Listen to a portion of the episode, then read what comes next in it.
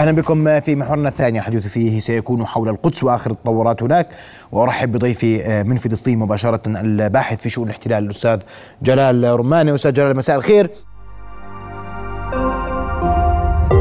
رؤيا بودكاست.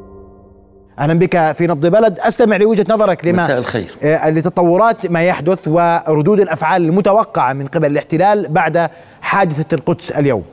عملية اليوم تضاف إلى سلسلة العمليات التي وقعت خلال الآونة الأخيرة في ظل حكم نتنياهو وشريكيه سموتريتش وبن غفير بن غفير لفت النظر اليوم بأنه مارس هوايته المفضلة بأن يقوم بزيارة موقع العملية ويقوم بإطلاق سيل من التهديدات أو من التصريحات التي تصنف ضمن ظاهرة الصوت المرتفع.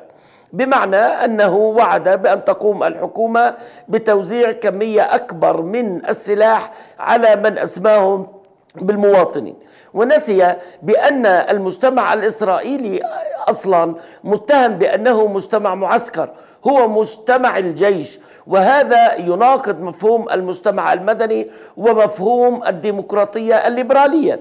فهو يريد أن يعيد الدائرة إلى الخلف وكانه يريد أن يعوض عن الفشل الذي مني به جراء الأحداث السابقة وحدث اليوم وجراء الانشقاق الداخلي الإسرائيلي. ما أرى بأن استفزازا قويا يقوم حزب الله بممارسته على الجبهة الشمالية. يبدو أن قرارا ما قد اتخذ هناك بالمواجهة لكن يريدون لإسرائيل أن تتخذ الخطوة الأولى وهذا ما يفسر عدم رد إسرائيل حتى الآن. ويبدو أن خطوة حزب الله منسقة مع الجبهة الجنوبية أي مع قوى المقاومة في غزة فيمكن أن تكون المواجهة هذه المرة مشتركة بين الطرفين املا بأن تدخل الضفة الغربية كجبهة ثالثة ضمن المقاومة المسلحة واملا في أن يشجع ذلك الجبهة الرابعة وهي فلسطين الثمانية وأربعين في أن تنخرط في أحداث المقاومة.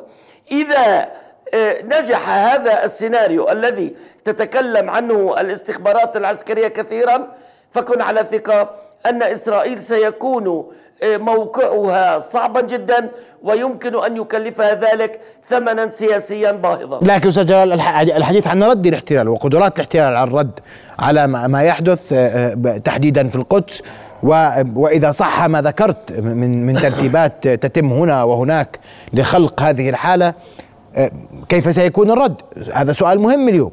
إسرائيل هي دولة حرب منذ أن أنشئت وحتى يومنا هذا وهي تقوم بالمبادرة للحرب من أجل إزالة أي مصدر للخطر عنها.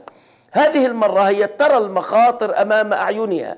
أمام غزة خاضت أربع حروب أو خمسة لم تستطع أن تكسرها. وأمام حزب الله خبرتها بحزب الله طويلة وكما ذكرت مسألة الاستفزاز اليومي الذي يمنع إسرائيل من الرد بل يقومون بتقديم شكوى إلى مجلس الأمن. لم نعد إسرائيل أن تكون هكذا.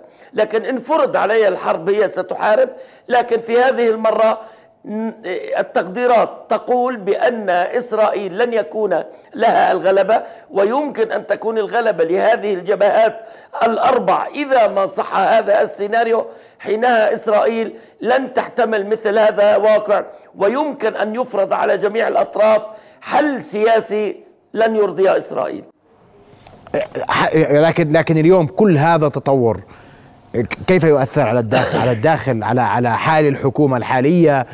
هناك توضيح وهناك بيانات صادرة عن عن عن الفصائل الفلسطينية. تتحدث أنه إذا ما استمر الاحتلال ستستمر هذه العمليات. وردود شهدناها في جنين وفي نابلس وفي حوارة. نشهد هذه الردود ردود فعل الاحتلال. هناك من يقول إن هذه الردود قد تشتد قد تكون أكثر حدة.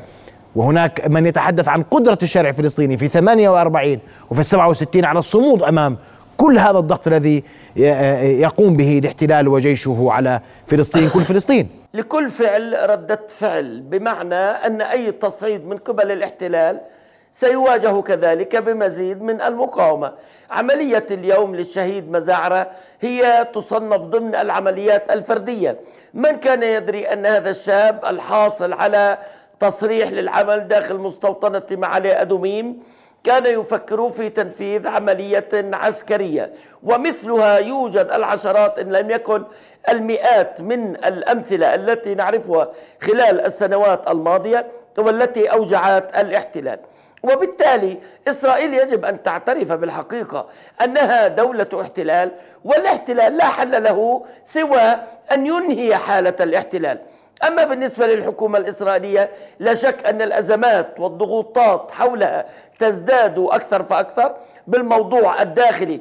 المظاهرات للأسبوع الواحد والثلاثين على التوالي ويوجد عنصر لم يكن قولته حتى الآن ألا وهو الهستدروت فإن أعلن الهستدروت حالة الإضراب العامة ستشل دولة إسرائيل. وبالنسبة للأخطار الأمنية كل تقارير آه، مراكز ال INSS للبحث الأمني تشير أن المخاطر حول إسرائيل تزداد سنة بعد سنة، إسرائيل الآن ليست إسرائيل الأمس وكن على ثقة أن غدا أسوأ بالنسبة لها، وخصوصا إذا رتبت أطراف المقاومة أوراقها بأن يقوموا بتوحيد صفوفهم في الرد على الاحتلال. نعم. أشكرك كل الشكر الباحث في شؤون الاحتلال اللي كنت معنا مباشرة من استديوهاتنا في رام الله الأستاذ جلال رماني. أشكرك على وجودك معنا. رؤيا بودكاست.